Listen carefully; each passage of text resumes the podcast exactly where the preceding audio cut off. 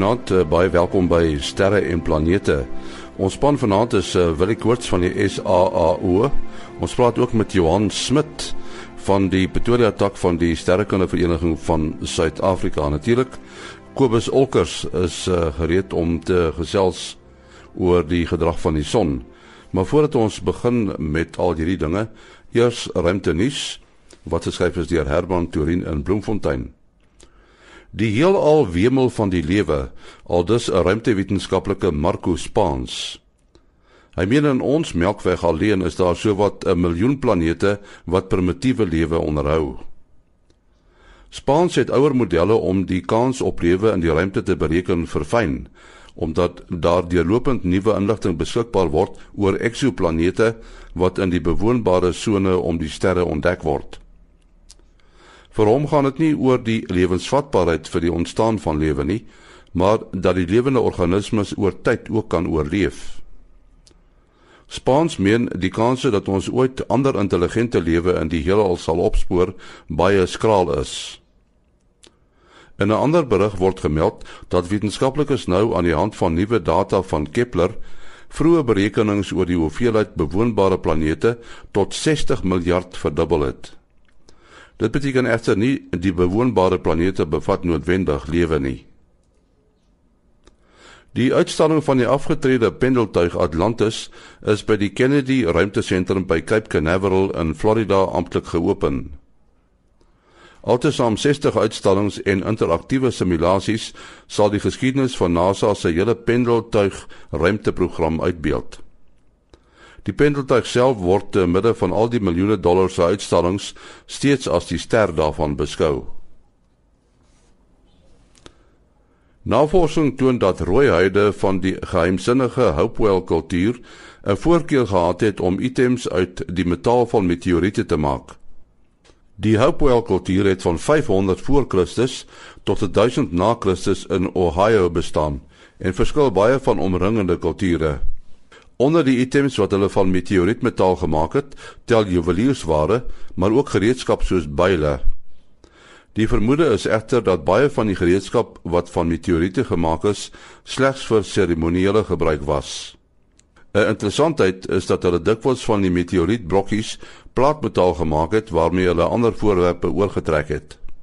Dit word vermoed dat die Hopewell geweet het dit kom uit die ruimte en daarom 'n so besondere waarde daaraan geheg. Tot sover ruimte nis wat geskryf is deur Herman Turin. Ja, so so wonder praat ons met Kobus Olkers daar in Florida in Amerika oor die son. Hoe lyk die son deesdae Kobus? Ja, die die son is nog nog lank nie in die slaap nie, hoor. Ehm um, soos ons luisteraars seker gesien het verlede week het ons ons het ons gesels oor die korona gat. Uh hy het toe die uh, kortgolf ontvangs redelik opgevoeter. Ehm um, ons het nou weer eene wat aan die gang is. O ja, intussen nakies wat hy ook gedoen het is natuurlik vir as al van ons luisteraars is wat in die verre noorde en suide sou hulle pragtige auroras gesien het. En ons ons het nou weer 'n soortgelyke ding aan die gang. Hierdie uh, koronagat is amper so groot, maar hy's net verder noord op die uh, oppervlakte van die son. Hy is reeds uh, geo-effektief en ons behoort reeds ons behoort ook 'n klompie uh, uh kortgolfsteurings om af te kry. Dan het ons ook 'n uh, 'n nuwe aktiewe area wat oor die rand van die son geroteer het hier so teen uh, Dinsdag se koers. Nommer 1785. Hy's baie kompleks. Hy het al 'n paar M-klas vakkels afgeskiet. En ek dink ons kan nog 'n paartjies van hom verwag. Met ander woorde, korona massa uitbarstingkies is heeltemal nog moontlik van hom wat uh natuurlik uh ons navigasie toerusting en ons data opvangs en ons cellulêre opvangs 'n bietjie kan kan uh, beïnvloed. So alles en alles ja, die son is redelik goed in die gang. Ehm um, hy toon nog geen geen neigings van van afgaan van aktiwiteit nie. En uh ja, ek dink ons sal daarom nog iets hê om te doen vir die volgende jaar of twee. Jy praat dikwels van die kortgolf uitsendings. Is daar mense ja. wat nog kortgolf gebruik?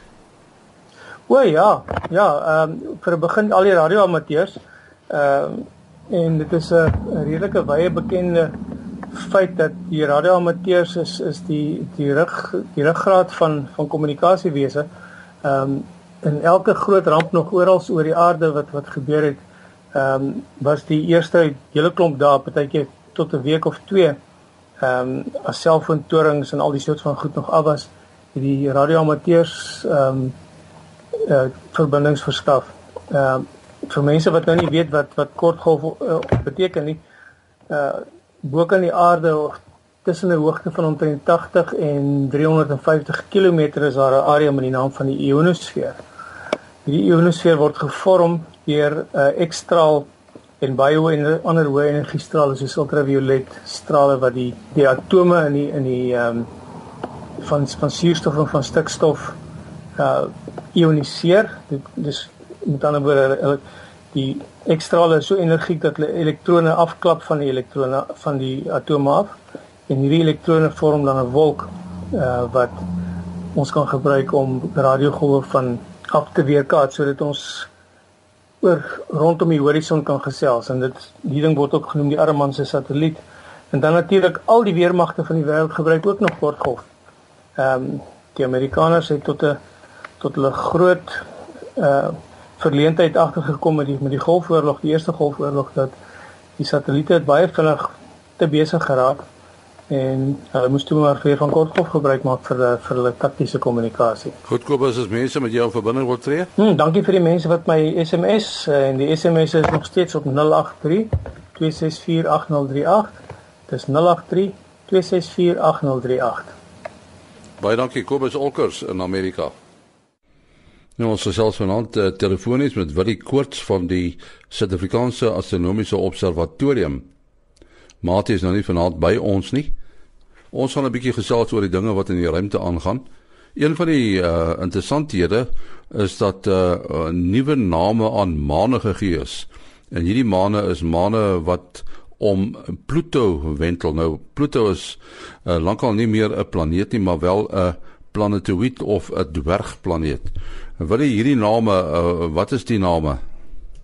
Ja, ja, die die name van Pluto daar is uh, mos in die laaste tyd in die laaste klompie jaar twee nuwe maane ontdek uh, van Pluto uh, juis in voorbereiding vir die New Horizons ruimte skip wat uh, uh, of dan nou ruimte probe soos hulle sê wat uh, so 'n bietjie meer as 'n jaar daar aankom seker te maak dat daar nou nie goeie is waarna hy gaan vasvlieg nie want hy gaan baie baie na aan die planeet verbyvlieg eintlik binne die baan van die maan van Charon ons het voor ek vorige keer gesê buite die baan maar dit lyk vir my dat hy, hy gaan baie baie naby die planeet uh, verbyvlieg en in die proses is daar twee nuwe maane ontdek en um, soos dit gaan in die sterrekundige wêreld oorspronklik word die goed maar net nommers toegeken en uh, toe was dit nou P4 en P5 so Pluto 4 en Pluto 5 seker maar die uh, daar's reeds uh, drie maane bekend. Sharon is die grootste maan en dan Hydra en Nix. Eh Pluto self kom natuurlik uit die onderwêreld uit in die in die Griekse mitologie en en Hydra en Nix uh kan ek amper onthou sy werk is of iets en een van hulle was so juist die ou wat die, die ou wat die wat die wat die skip uh, waar die uh, mense na die onderwêreld toe uh vervoer word. Uh die twee nuwe name is dan nou Styx en Styx natuurlik instaan in verband met die rivier. Uh Styx die die rivier wat die onderwêreld van die van die gewone wêreld skei. En uh, dit is feitelik ook 'n ook 'n godin uh, uh want dit is alles maar met die met die uh mitologie te doen. En dan die ander se naam is Kerberos Kerberos uh en dit is dan die drie koppige hond wat uh, die wat oppas en seker maak dat niemand uit die onderwêreld uit terug ontsnap nie. So dit is 'n interessante proses uh, wat uh, die uh, naamgewing gepaard gegaan het. Gewoonlik is dit 'n uh, autokratiese besluit deur die internasionale astronomiese unie uh wat uh, dan besluit dat eintlik 'n sekere riglyne wat neergelê is hoe die naamgewings plaasvind. Die keer het hulle die publiek uh bietjie bygetrek en, en daar was 21 kandidaat name gegee en mense kon stem op 'n webwerf en hulle het oor die half miljoen stemme gekry en interessant genoeg die naam wat die meeste stemme gekry het is die ouend nie gebruik nie en dit is dis Falcon of Falcon. Uh en Falcon uh, is natuurlik die Star Trek uh, bekend gemaak en dit is dan die die tuisplaneet van Mrs Mr Sprong waar die vandaan gekom het maar uh, die internasionale internasionale rente uh, sterkende unie het besluit dat uh, die naam nie heeltemal inpas by die by die naamgewing nie en daar's juis daar al reeds iets uh, uh, wat in Mercurius se se maanstelsels wat die naam dra. So die die die, die tweede en die derde uh gewilde name was dan nou stiek stieks en en en Kerberos. Nou, dit is interessant hoe die name gegee word en dit laat my nog steeds wonder, jy weet Pluto is nou nie 'n planeet meer nie, maar wel 'n dwergplaneet en uh hy het nou tog die maan is een van die noem dit maar die vereistes waarom Pluto 'n planeet sou genoem kon word, né? Nee? die een kriteria waar Pluto nou nie kwalifiseer as 'n planeet nie, is die feit dat Pluto nie groot genoeg is om sy baan te domineer nie. En en dit is natuurlik nou een van die een van die kriteria vir uh, om om 'n planeet te wees en die groot verskil tussen 'n planeet en 'n dwergplaneet. So uh, Pluto uh, eintlik toe Pluto in 1930 ontdek is, het was sy grootte eintlik redelik oorskat en belangrikheid ook en en en uh oorspronklik het hulle mos gesien dat daar is uh, Neptunus se baan uh, het effens 'n afwyking so daar moet 'n massa buitekant uh, wees 'n groter maan wat dit nou sou veroorsaak en dit natuurlik nou wat die uh, soektog na Pluto op sy gesit het uh, oorspronklik ook uh, net geklassifiseer as planeet X en, en, en uh, die uh, Pluto uh, domineer dus nie sy baan nie en en dit is dan nou, nou natuurlik die rede hoekom hy dwergplaneet status gekry het.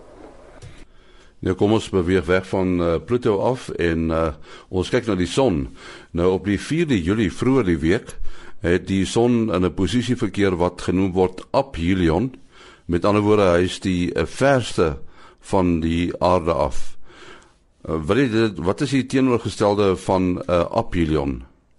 Ja, dis reg ja, op die op die 4de Januarie uh was dit op perihelion of of die naaste punt aan die son gewees en en dan op die 4de Julie wat nou saamval met die Amerikaanse Independence Day of 4th of July is ons nou op aphelion uh wat die verste punt van die van die son af is. Uh die aarde se baan is natuurlik effens ellipties en en daarom is hy uh, vir 6 maande uh, met 6 maande in 6 maande intervalle 'n uh, bietjie verder of bietjie nader aan die son. Nou onmiddellik sal ons nou sê, o, dit is nou hoekom dit so koud is. Uh want ons is nou in die middel van die winter en ons ook nou die verste van die son en in, in Januarie was ons die naaste aan die son en daarom is dit so warm. Nou uh die die verskil hier is maar iets soos 3%. Uh dit is nou wel 'n uh, uh, uh, hele paar uh, duisend kilometer uh, wat die verskil is hierso maar as dit nou op op 150 miljoen kilometer wat ons gemiddelde afstand van die son af is dan is dit maar 'n 3 3% 3.3% effek.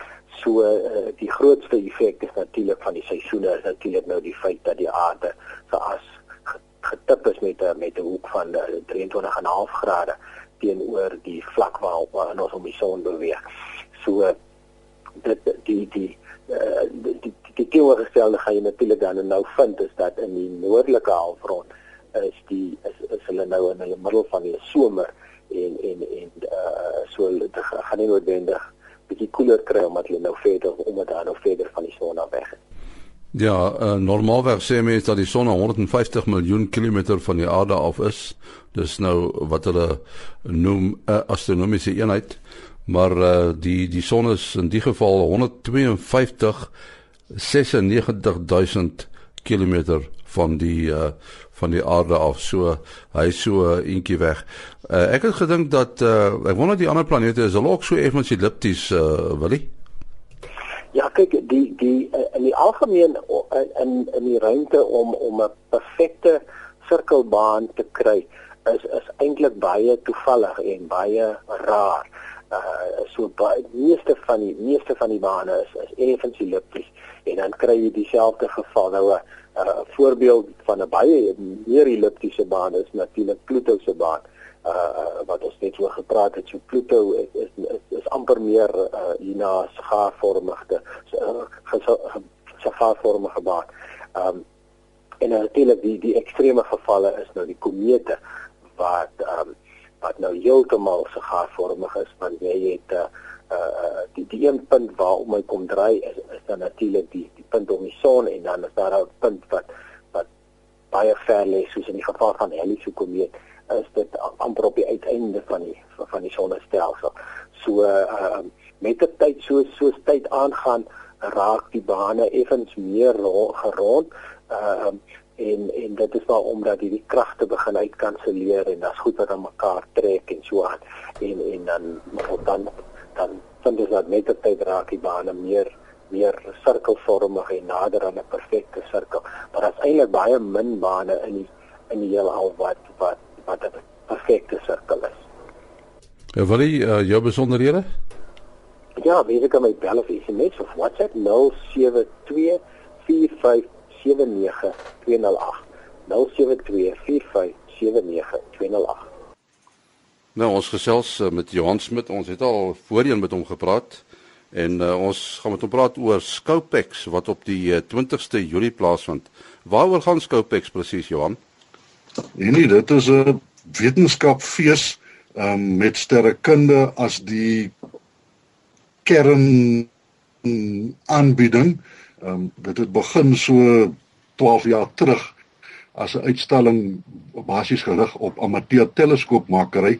Ehm um, maar so deur die jare het dit nou gevorder tot 'n volle wetenskapfees met ehm um, teleskoopbou as een van die aanbiedings daarso. En waar vind dit plaas? By die Museum vir Militêre Geskiedenis in Johannesburg, net langs die Johannesburgse dieretuin. Wie neem daar aan deel eintlik, uh, Johan? Onder andere die amateur teleskoopbouers bring hulle goed wat hulle so deur die jaar gemaak het om 'n bietjie te kan spog. Ehm um, dan het ons sprekers van oorsee hierdie jaar het ons toevallig 'n paar baie interessante sprekers oor astrofotografie van basiese astrofotografie tot gevorderde astrofotografie en een persoon wat praat oor ehm um, amateur spektroskopie hoe amateur self bietjie wetenskap kan doen met spektrums van sterre. Nou die mense wat oor die fotografie praat, eh, praat kom hulle ook van van die buiteland af. Nee, een persoon is 'n afgetrede professor van Unisa, professor Barbara Kuno. Sy praat snaaks genoeg oor die basiese aspekte van astrofotografie. En die ander persoon is Dale Liebenberg. Hy is 'n ook 'n amateur, maar hy praat weer oor die gevorderde, hy's van Port Elizabeth omgewing. Hy praat oor die gevorderde aspekte van astrofotografie. So so daar's lesings ook. Ja, um, onder andere Willie Koorts is ook daarso en hy open die lesings die dag met nuwe nuus uit Sutherland. Hoeveel mense uh, woon gewoonlik uh, hierdie soort byeenkomste by? getel nou oor die laaste paar jaar enigiets tussen 2 en 3000 mense kom die dag deur die hekke. Ek was nou al van tevore daar, uh, dit lyk my die uitstallers, die kom van heinde en ver, né? Ja, nee, ek sê dit is behalwe die ehm um, lokale sterrekunde vereniging takke Pretoria en Johannesburg in die Wesrand. Ehm um, is daar van die radio klubs daar daar's maatskappye wat spesialiseer in wetenskap uitstallings. Ehm um, die kommersiële teleskoopverkopers is ook daar. Is daar geleentheid vir sterre kyk ook? O ja, ehm um, laat in die aand weet as die son sak, dan maak ons die vir al die tuisgemaakte teleskope oop sodat die mense kans kan kry um, om te kyk na wat in die lug is. Ehm um, so sterrepartytjie in die middel van Johannesburg. En en dit word gereël deur die Sterrekunde Vereniging van Suid-Afrika. Wel, Sterrekunde Vereniging van Suid-Afrika is die oorkoepelende liggaam. Ehm um, Scopex is 'n inisiatief van die teleskoop maak klas wat as 'n gekombineerde projek tussen Pretoria en Johannesburg gedoen word. Johan, dit lyk my daar is daar's mense wat wat, wat self teleskope bou dan ook. Met die in die klas as ons nou so gemiddeld kyk oor 'n jaar, sluit daar in die omgewing van baie naby aan 40 mense per jaar by die klas aan wat wil hulle teleskope bou. Ehm um, so daar's 'n konstante vloei van mense wat belangstel om en as jy hou daarvan om iets met jou hande en met jou kop te doen is dit 'n taak wat jy daar kan oorweeg. Dit lyk vir my so van van afstand af beskou of die uh, die hele sterrekunde ding is eintlik maar hoofsaaklike mans ding. Is daar dan vrouens wat ook belangstel? O ja, ehm um, op die oomblik in die klas het ons omtrent 5 dames teleskoopmakers. En nou gaan die manne 'n bietjie kwaad wees vir my, maar gewoonlik maak die dames mooier speels of beter speels as sommige van die mans. Ja, hulle het meer geduld, nê. Nee. Die geduld en hulle die sagte aanslag met die polering ehm um, hulle nie die krag en die drif van mans nie so ehm um, daai sagte aanslag maak dat die oppervlak net soveel mooier en gladder is gewoonlik. Net weer, dit is dan die 20ste Julie. Hoe laat uh, open die hekke? Die hekke open 9:00 die oggend en is oop tot 9:00 die aand. Dan sê dit was aan Scopex en dit is op die 20ste Julie by die uh, Militêre Museum in Johannesburg. En ons wil ook nou met uh, Johan praat oor 'n ander geleentheid wat eintlik 'n uh onderneming is van uh die Pretoria tak van die Sterrekunde Vereniging. Waaroor gaan dit presies, Johan? So 4, 5 jaar terug het ek en my kollega Dani Barnardo so gepraat van die Karoo se naglug. Want hy slaap gewoon oor by 'n plek net noord van Britstaan as hy van die Kaap af terugkom van vakansie af en dan toe besluit ek en hy maar ek en ons gaan een lang naweek daarna toe om te gaan sterre kyk. En toe besluit ons maar ons nooi ander mense ook uit en nou vir die 5de keer boek ons die plek uit vir die naweek en almal wat wil kom sterre kyk in ernstige donker lig is baie welkom. En hoeveel mense kan uh, deelneem aan hierdie geleentheid? Die Kambro gasteplaas het 10 chalets en omtrent dieselfde aantal kampeerplekke ook. Elke jaar was daar 'n omgewing van 50 plus mense en almal is baie gemaklik gehuisves en as die plek vol is dan sal die gasteplaas die mense verwys na verblyf daar naby. Goed, wanneer vind dit plaas, Johan? Dit is die naweek van die 9de Augustus, en Vrouedag is die Vrydag die 9de. So dan begin die naweek. So hierdie naweek is eintlik 'n bietjie 'n kort enetjie. So ons is ons se boordsterre te kyk die Vrydag aan die 9de en Saterdag aan die 10de. En nou ongelukkig moet 'n mens nou Sondag die 11de weer terugry hier na Sodom en Gomorra toe. En met wie moet hulle verbinding tree as hulle soontoe wil gaan? Op ons Pretoria se webblad www.pretoria-astronomy.co.za is daar 'n skakel na inligting waar hulle kan boek en om om deel te neem. Ehm um, op die Pretoria webblad is ook my telefoonnommer ehm um, en e-posadres as u mense direk by my wil navraag doen. Nee, net weer die webblad adres. Is pretoria-astronomy.co.za. Ehm um, ek kan my e my tel my telefoonnommer ook vir die mense gee as dit moontlik is. Is Johan Smit 072 806 2939. 072 806 2939. Daar sê dit was dan uh, Scopex en die gedinte daar by uh, Britstown in die Karoo. Dit was Johan Smit van die Pretoria tak van die Sterrekunde Vereniging van Suid-Afrika. Ook die einde van ons program. My kontakbesonderhede is maas.henny@gmail.com. maas.henny@gmail.com.